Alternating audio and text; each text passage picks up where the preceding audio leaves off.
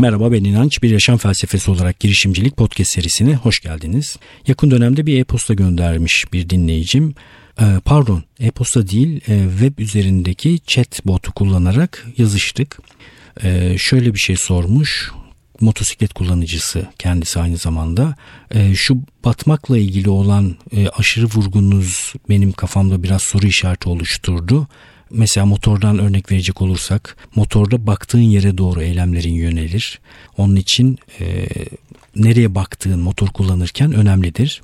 Bir girişimi hayata geçirirken de batmak üzerine değil de o girişimi kurtarmak üzere, büyütmek üzere odaklanmam gerekmez mi? Biraz kafam karıştı demiş. Haklı. Ben podcast içerisinde biraz bazı durumlarda bazı şeyleri uca çekerek yapmaya çalışıyorum. İnsanlar batmaktan çok korktuğu için e, inatla ve ısrarla batmayı güzel göstermeye çalışıyorum. Tabii ki amaç batmak değil. Ama şu girişimci düşünce biçiminden bahsetmiştim ya daha önce. E, kaybedebileceği şöyle göze alınabilir kayıp miktarıyla e, yola çıkar girişimci demiştik. İşte bu göze alınabilir kayıp miktarı ile batma arasındaki ilişkiyi vurgulamak için yaptığım bir şey bu. Yani bir girişime kalkışırken ne kadar şey batıracağını baştan biliyor olmak önemli. Al da git bunu hızlıca batır diye değil de bu cepte dursun. Yani batabilmenin de bir lüksü yok mudur? Yani güveni yok mudur? Yani şöyle düşünsenize şimdi birisi size dese ki al sana 300 bin lira 6 ay bunu harca yak bir girişim fikrini test et. Hiçbir şey de beklemiyorum senden dese harika olmaz mı? Olur tabii böyle birini bulamazsınız zaten. böyle bir babanız olabilir ya da anneniz olabilir böyle biri ancak onlar olabilir herhalde. Ee, ama düşünce biçimini anlatabildim herhalde. Önce batma lüksüne sahip olacağım. Sonra tabii ki batmaya çalışmayacağım. Tabii ki o girişimi ayağa kaldırmaya çalışacağım. Yani sonrasında bütün hedefim zaten batmamak. Ama batmak da bu işin doğasında.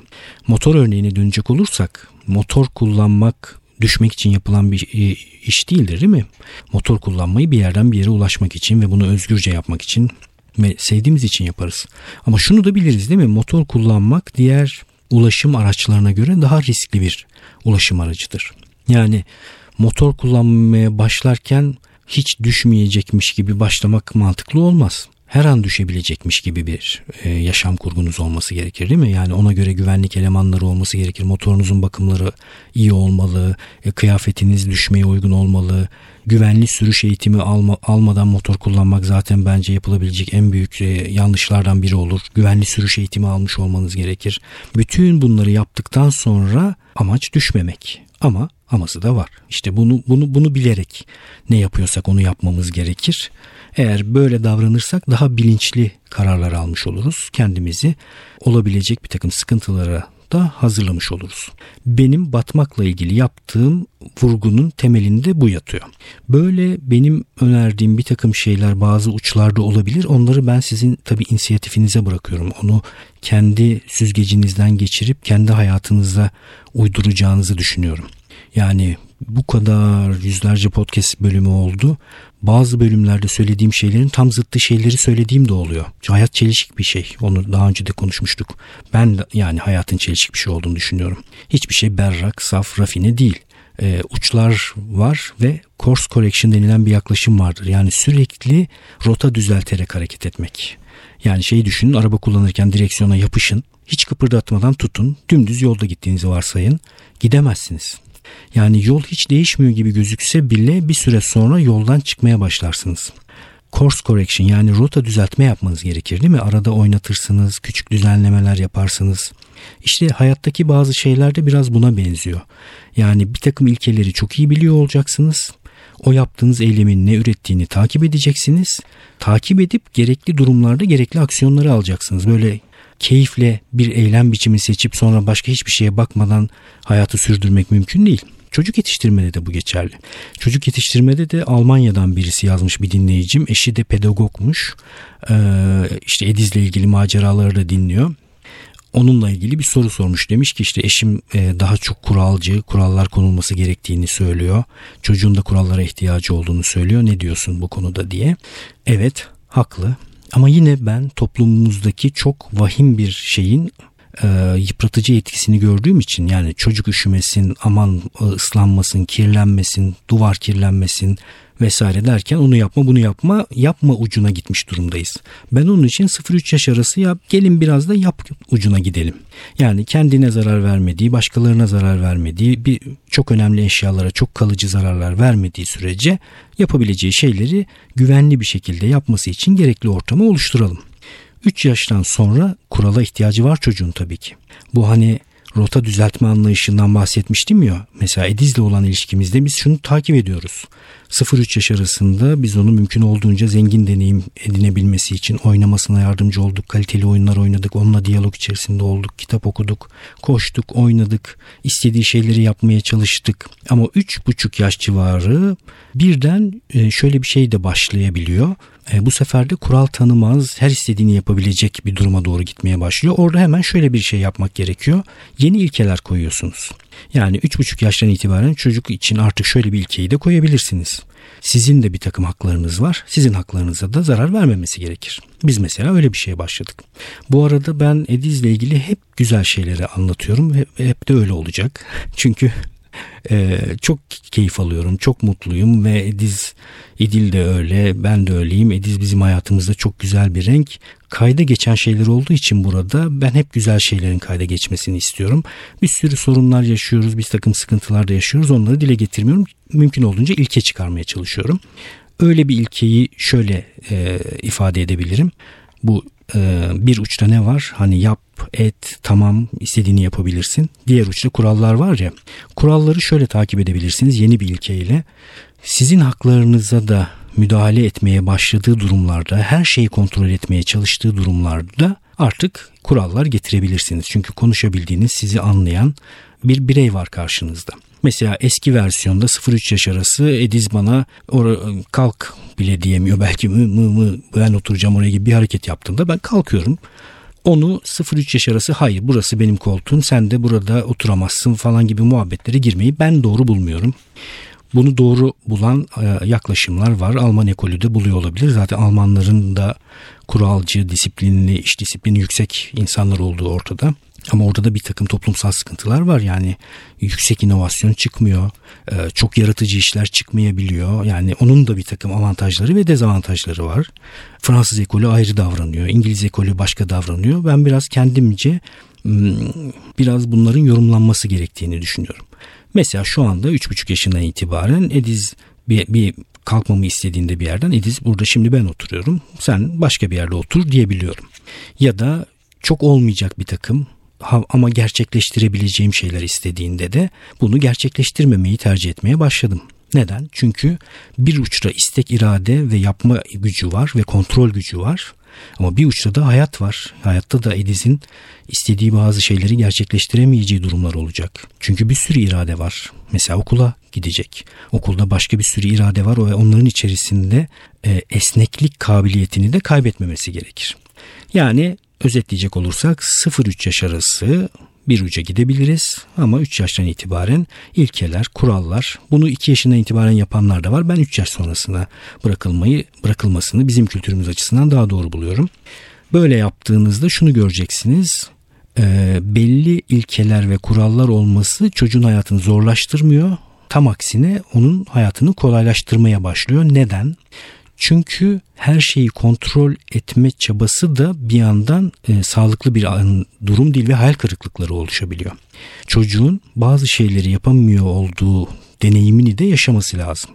Bunu yaşayabilmesi için de yine kontrollü ve güvenli bir şekilde bir takım kurallar getirebilirsiniz. İşte ne bileyim e, belli bir saatte yemek yenecek olması kuralı olabilir.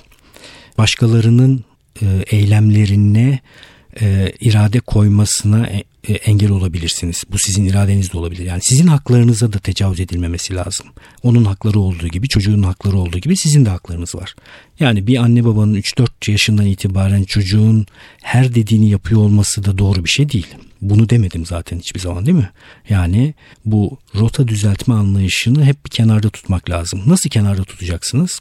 0-3 yaş arasında ona mümkün olduğunca alan açtınız, cesareti yerine geldi, bir şeyleri istiyor, güvenli, eyleme geçiyor, deniyor, test ediyor. Bunları yaparken bir yandan böyle gittiniz bir yandan da semptomlara bakacaksınız. Yani aşırı kontrol duygusu oluşmaya başlıyor mu? Her şeyi mi kontrol etmeye başlıyor? Hakkı olmayan bir takım şeyler istiyor mu?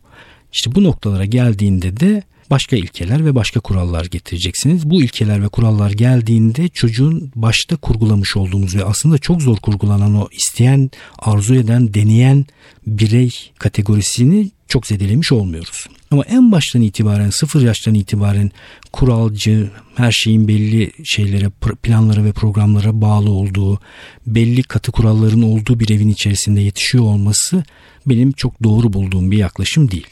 Çocuk yetiştirme için de bu geçerli. Başka tip şeyler için de geçerli. Yani hayat içerisinde belli ilkelerle belli eylemler yapıyoruz. Bazı durumlarda uca çekmemiz gerekiyor. Mesela bir başka örnek vereyim. Özellikle erken gençlik döneminde, üniversite döneminde herkesi mutlu etmeye çalıştığımız bir dönem vardır. Yani herkes iyi olsun, mutlu olsun. Hatta bazen istemediğimiz şeyleri yaparız. Bazen kural olduğu için, gelenek olduğu için bir takım şeyleri yaparız ve onları yapmaya e, başlarız. E, bu gibi durumlarda yani bizim e, herkesle çok iyi geçinmeye çalıştığımız durumda yüksek bir enerji harcamaya da başlarız. Bir noktada kendi üzerine çalışmayan birisi şunu diyebilir. Ya yeter artık ben biraz da kendi isteklerimi gerçekleştireceğim. İşte birileri beni bir yere çağırdığında hayır de, hayır demek vardır ya hayır demeyi öğrenmek diye bir şey vardır. Kolay değildir bazı insanlar için bu. İşte hayır diyeceğim artık. Ne yaparsınız? Böyle orta yollu bir zaman zaman evet ve hayırcı bir yol bulmak çok kolay değildir insan açısından. Diğer uca çekersiniz.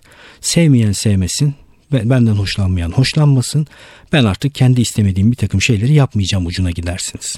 Şimdi diğer ucun bir takım sıkıntıları olduğu gibi bunun aşırı ucunun da bir takım sıkıntıları var. Aristo da bunu söyler. Zaten o amaç genelde insan eylemleri arasında bir ortayı bulma durumunu keşfetmektir. Kendiniz açısından bir optimum noktayı keşfetmektir. Bu ikinci savrulmayı yaşadıktan sonra orayı da gördükten sonra artık özgürce ve duruma ve şarta göre bazı şeylere evet ya da hayır demeyi de öğrenirsiniz. Asıl öğrenme noktası odur. Her şeye evet demek pek iyi gözükmüyor. Her şeye hayır demek pek iyi gözükmüyor. Ama bazı durumlar için bu iki ucu yaşamak ve deneyimlemek gerekiyor. Sonra sağlıklı olan gerektiğinde bazı şeylere evet bazı şeylere hayır demek. Bu konuda sorunuz olursa çekinmeden sorun yazın.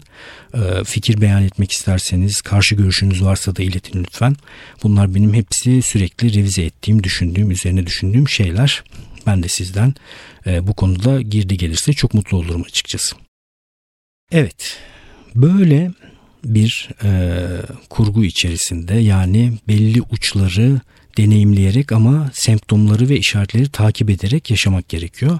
İnsanlar genelde biraz böyle bir şeyi tutturayım da bir eylem biçimini, bir yaşama biçimini sonra pek değiştirmeyeyim eğilimindedirler ve bunun çok sıkıntısını yaşarlar. Dediğim gibi siz hiçbir şey değiştirmeseniz de etrafınız, şartlar ve dünya değiştiği için zaten o yaptığınız eylem biçimi bir süre sonra anlamsızlaşacaktır. Dikkatli olmak ve sürekli takip etmek lazım. Yani düşünmek, ne yapacağını ve nasıl davranacağını düşünmek bir kere yapılacak bir şey değil. Düşünme eylemi sürekli yapılması gereken bir şey. Bu benim ekip yönetenlerde, ekip üyelerinde, kurumsal hayatta çalışanlarda, etrafımda çok gözlemlediğim bir şeydir. Yani mesela kişiye bir iş delege edersiniz. Ekip yöneticileri ve yöneticiler bundan çok şikayet ederler. Sonra o şeyi gerçekleştirmek üzere bir takım eylemler yapar kişi ve karşısına bir takım da engeller çıkar. Yani bir şey istemektedir ama olmaz. Sonra gelip yöneticiye yaptım olmadı der. Ya da şöyle yaptım sonucu böyle oldu der. En sevilmeyen şeydir bu. Benim de çok hoşlandığım bir şey değil bu. Bir, ne istiyorsun sen? Neyin gerçekleşmesini istiyorsun? Şu. Ne yaptın? Bunu. Oldu mu? Olmadı. Niye olmadı? Bir de başka ne yapabilirsin? Nasıl oldurabilirsin? Neleri deneyebilirsin? Opsiyonların neler? Başka bir yolu olabilir mi? Şartları zorlayabilir misin? Bütün bunları düşünmen gerekir. Bu tabii ki bu içsel odaklı ve dışsal odaklı olmaya doğru gidiyor tahmin edeceğiniz gibi. Yani dışsal odaklı olanlar bir şey istediklerinde bir şey yapıyorlar. Sonucunda olmadığını görüyorlar ve olmadı diye durum bildiriyorlar. Durum durum bildirimi yapıyorlar. Yahu durum bildirimi hiç kimseyi kurtarmaz. Tamam anladık durum o. Ne olacak şimdi? Ne yapalım? Aktüel durumu izah etmenin, tekrar tekrar dile getirmenin hiç kimseye bir faydası yok.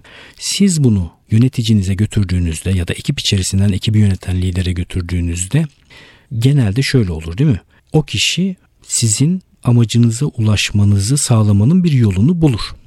Tamam da bunu bir kere bulur, iki kere bulur. Üçüncü buluşunda, dördüncü buluşunda artık siz etkisiz hale gelmeye başlarsınız. Orada yapılması gereken şey eğer yöneticiyseniz yapmanız gereken sürekli cevapları bulmak ve cevapları üretmek yerine doğru sorular sorarak kişinin engeller karşısında opsiyon üreten bir hale gelmesini sağlamaya çalışmak. Kendiniz opsiyonsuz bir insansanız ki bu da mümkündür. Yani e, bir şey istiyorsunuz, bir şey yapıyorsunuz, sonucunda duvar görüyorsunuz ve birden kilitleniyorsanız sürekli kendinize şu sormayı soruyu sormanız gerekiyor. Nasıl yapabilirim? Başka ne yapabilirim? Nasıl mümkün olabilir? Düşünün bir egzersiz olarak. Bunu yine bir kategori değiştirme bir eylem biçimi olduğu için çok uzun süre ve çok sık yapmanız gerekir. Yani birden böyle sorunlar karşısında pes edip aktüel durumu tarif eden bir insan olmaktan bir gün yok artık ben böyle bir insan olmayacağım deyip diğer kategoriye geçmek çok mümkün değil. Çünkü insan davranışı çok uzun eylem, küçük küçük eylemlerin birikmesiyle başka bir kanala doğru geçmeye başlıyor. Ee, bu B.G. Fox'un davranış modeli vardır daha önce bahsetmiştim. Bir davranışın açığa çıkması için üç şeyin bir arada bulunması gerekiyor. Tetikleyici, motivasyon, beceri. Bu üçü bir arada bulunmadığı zaman o şeyi yapamıyorsunuz. Diyelim ki siz sürekli aktüelde takılan, tökezleyen, karşısına bir problem çıktığında bunu çözemeyen ve birilerine paslayan, onların problemi çözmesini bekleyen bir insan türüsünüz. Olabilir. Ve diyelim ki başka türlü bir insan olmak istiyorsunuz. Yani sürekli problem çözen, engelleri aşan, başkalarının ürettiği o çözümleri kendisi de bulan bir insan olmak istiyorsunuz. O zaman kendinize bir takım tetikleyiciler koymanız lazım. Tetikleyiciden kastım ne? Şu. Hangi durumlarda sıklıkla bunu yaşıyorsanız, bu eylemsizlik durumunu, aktüeli tarif etme durumunu, önceden uyanık olun. Bu durumları bir kere fark edebilir hale geçin. Bunu geçtiğinizde yani bu eylemi fark ettiğinizde de bir protokolünüz olsun. Yani kendinize sorduğunuz birkaç soru olabilir bu. Durum ne? Şu. Ne istiyorum? Şunu. Yapabildim mi? Hayır. Neden yapamadım? Şu nedenden. Peki nasıl yapabilirim? Başka ne deneyebilirim? Başka ne üretebilirim? Bu soruları yaparak yaptığınız şey aslında opsiyon açmak. Opsiyon yoksa hiçbir şey yok. Opsiyon nedir? Bir şey istiyorum. Hedef. Bu hedefe ulaşmak için bir takım eylemler düşündüm. Yaptım. Olmadı. Başka ne yapılabilecek sorusunun açmış olduğu yeni eylem alanları opsiyon alanıdır. Zaten insan olarak, girişimci olarak bu hayatta bir şeyleri gerçekleştirmek isteyen biri olarak kendi gücünüz opsiyon açma gücünüz kadardır. Opsiyonu nasıl açıyorsunuz? Yavaş yavaş deneyerek, yaparak, işte bir iki defa biraz kolay çözümler buluyorsunuz. Ama bir kere opsiyon açma eylemini keşfettikten sonra başkalarının açtığı opsiyonları da takip edeceksiniz. Mesela yöneticinize problem götürdüğünüzde onun nasıl opsiyon açtığını takip edin. Size hangi soruları soruyor? Hangi eylemi alıyor? Hatta günlük yani defter defteri kaydedebilirsiniz bile. Şöyle bir problem yaşadım, şunu yapamadım, yöneticime götürdüm, şöyle çözüldü. Sonra böyle terzi dikişlerini bulmaya çalışır gibi şeyi keşfetmeye çalışın. Hangi soruları sordu? O opsiyonu nereden üretti? Bunu keşfetmeye çalışın. Opsiyon üretirken de sizin problem götürdüğünüz insanlar genelde nasıl yaklaşırlar? Perspektif değiştirirler. Oyun alanını genişletirler. Oyundaki oyuncuları değiştirirler. Mesela birisi sizin eyleminize taş koyuyordur, yapmıyordur o kişi yerine başka biriyle onu çözmeye çalışırlar. Ya da bir kişi sizin yapmak istediğiniz şeyi yapmanıza izin vermiyordur. O kişinin kalbini kazanacak ve ona da bir kazanç getirecek bir kurgu oluşturmaya çalışırlar. Yani bir şekilde doğru lider ve tuttuğunu koparan davranış biçimi neyi gerektirir? İstediğiniz eylemle sonuç arasında sürekli opsiyon açma eylemini gerektirir. Opsiyon nereden geliyor? Potansiyelden geliyor. Potansiyel alandan geliyor. Yani aktüel durumun içerisinde sorgulama yoluyla, soruşturma yoluyla bulabileceğiniz bir takım opsiyonlar vardır aslında. Bu opsiyonların bir kısmı size kapalıdır. Neden kapalıdır? Yeterli bilginiz olmayabilir. Doğru insanları tanımıyor olabilirsiniz. Çok doğru sorular soramıyor olabilirsiniz. Kapalıdır. Ama emin olun soru sormaya başladıkça ve bu opsiyon açma eylemini hayata geçirdikçe ve bunu her gün yaptıkça yavaş yavaş yavaş yavaş opsiyon açan bir insan haline geliyorsunuz. Şimdi benim için mesela bu default denir yani böyle bilgisayarın bir default kurgusu vardır. Default pozisyon bu. Benim karşıma bir şey çıktığında ben bir şey yapmak istiyorum ve karşıma bir engel çıktı. Gayri ihtiyari düşünmeden, irade kullanmadan hemen şeyi açılıyor zihnimde. Böyle bir ıı, işte ne, ne denir ona yeni bir yazılım çalışmaya başlıyor. Bir dakika o zaman ne yapabiliriz? Ne olabilir? Başka nasıl yaklaşabiliriz? Bunu yapmak zorunda mıyım? Başka bir şey mi yapsam? Bunu yapmanın başka bir yolu var mı? Başka kimden yardım alabilirim diye böyle soruşturmalar başlıyor. Bu bende otomatik hale gelmiş durumda. Çünkü küçük yaştan itibaren problem çözmeyi, matematikte problem çözmeyi seviyorum, problem çözmeyi seviyorum. Asıl mesele şu ama bu doğuştan gelen bana özel bir yetenek değil. Bu insanların geliştirebileceği bir şey. Koçluk ne yapmaya çalışır? Koçluk aslında sizi doğru sorular sorarak opsiyon oluşturmaya çalışır. Bütün yapmaya çalıştığı şey bir koç, koçun aslında sizin isteklerinizi, arzularınızı net bir şekilde ortaya koymanızı sağlamaya çalışmaktır. Sonra da opsiyonlarınızı keşfetmenizi sağlamaya çalışmaktır. Sorduğu sorularla aslında yaptığı bir opsiyon keşfidir. Opsiyon diye yeni bir şey açtım, terminoloji açmış gibi oldum ama emin olun bu ilk 10 bölümde konuştuğumuz kavramlarla hepsini izah edebiliyoruz. Yani opsiyon dediğimiz alan potansiyel alan. Aktüel alan engelin olduğu alan. O şeyin niye gerçekleşmiyor oldu opsiyon araştırması demek de aslında potansiyel içerisinde araştırma yapmak. Potansiyelde araştırma nasıl yapılıyor? Soru sorarak yapılıyor. Soru. Soru çok değerli bir şey. Yani oturup böyle bir saat kendinize çeşitli konularda çeşitli sorular sorsanız yani webten bir takım sorular alıp onları bile sorsanız hiç temas etmediğiniz bir takım yerlerdeki taşları oynatabilir. Soru çok kuvvetli bir şey. Mesela yani soru listesi bulun bir yerden o soruları sorun kendinize. Günlük günlük soru seanslarınız olsun. Şeyden bahsediyorum tabii kategori değiştirmek isteyen insanlardan bahsediyorum. Bunu her gün her saat sürekli yaparsanız bir süre sonra böyle bir insan oluyorsunuz. Böyle ortada bir şey yok yani sihir falan yok. Sadece Aristo demişti ya yani korkak eylemler yapa yapa korkak oluruz. Cesur eylemler yapa yapa da cesur oluruz. Bu pozisyonlar sürekli birikimli eylemler sonucunda geliyor. Nihai olarak şunu söyleyeyim. Bunu hayatınıza geçirmek için kendinize bir takım tetikleyiciler koymanız gerekir. Bir örnek vereyim. Ben mesela son dönemde kullandığım bir tetikleyici birkaç defa ajandamda olduğu halde yapılacaklar listemde olduğu halde toplantı kaçıracak noktaya geldiğimi fark ettim bir iki defa.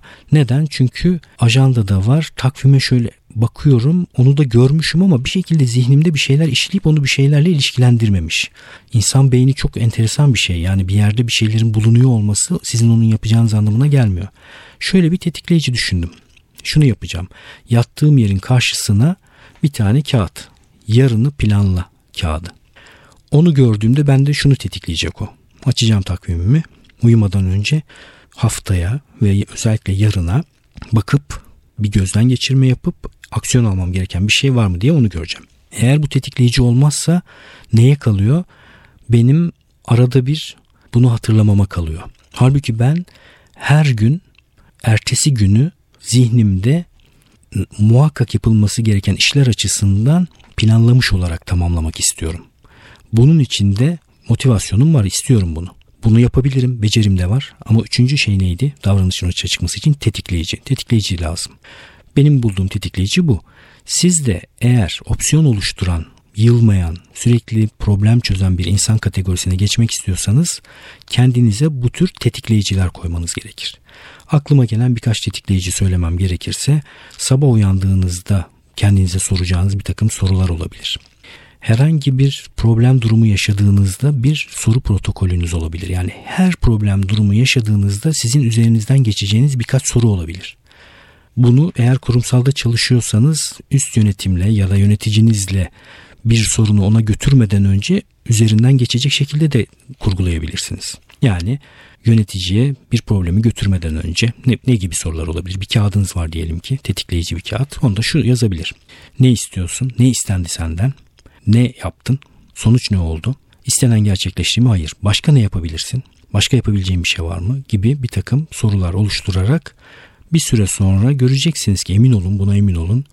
E, bu kategoride yaşadığınız şeyleri daha az yaşar hale geleceksiniz. Yöneticiye daha az problem götüreceksiniz. Burada yönetici çok umurumda değil de açıkçası. burada sizin e, iyi haliniz benim için önemli. Sizin kategori değiştirip sağa sola problem götüren bir insan değil de problemleri çözen, problem çözen bir insan olmanız. Derdim o yani.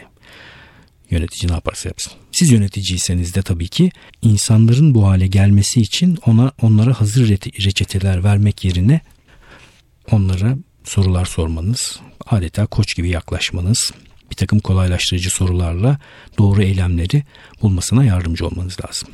Evet benim için yine gayet keyifli bir kayıt oldu. Umarım sizler için de öyle olmuştur. Instagram'dan beni takip edin. Takip ettiğinizde merhaba ben podcast'ten geldim derseniz ben de sizi takip ederim. İnançayar.com'dan e-posta listesine üye olun. YouTube'u da takip etmeyi unutmayın. Görüşmek üzere.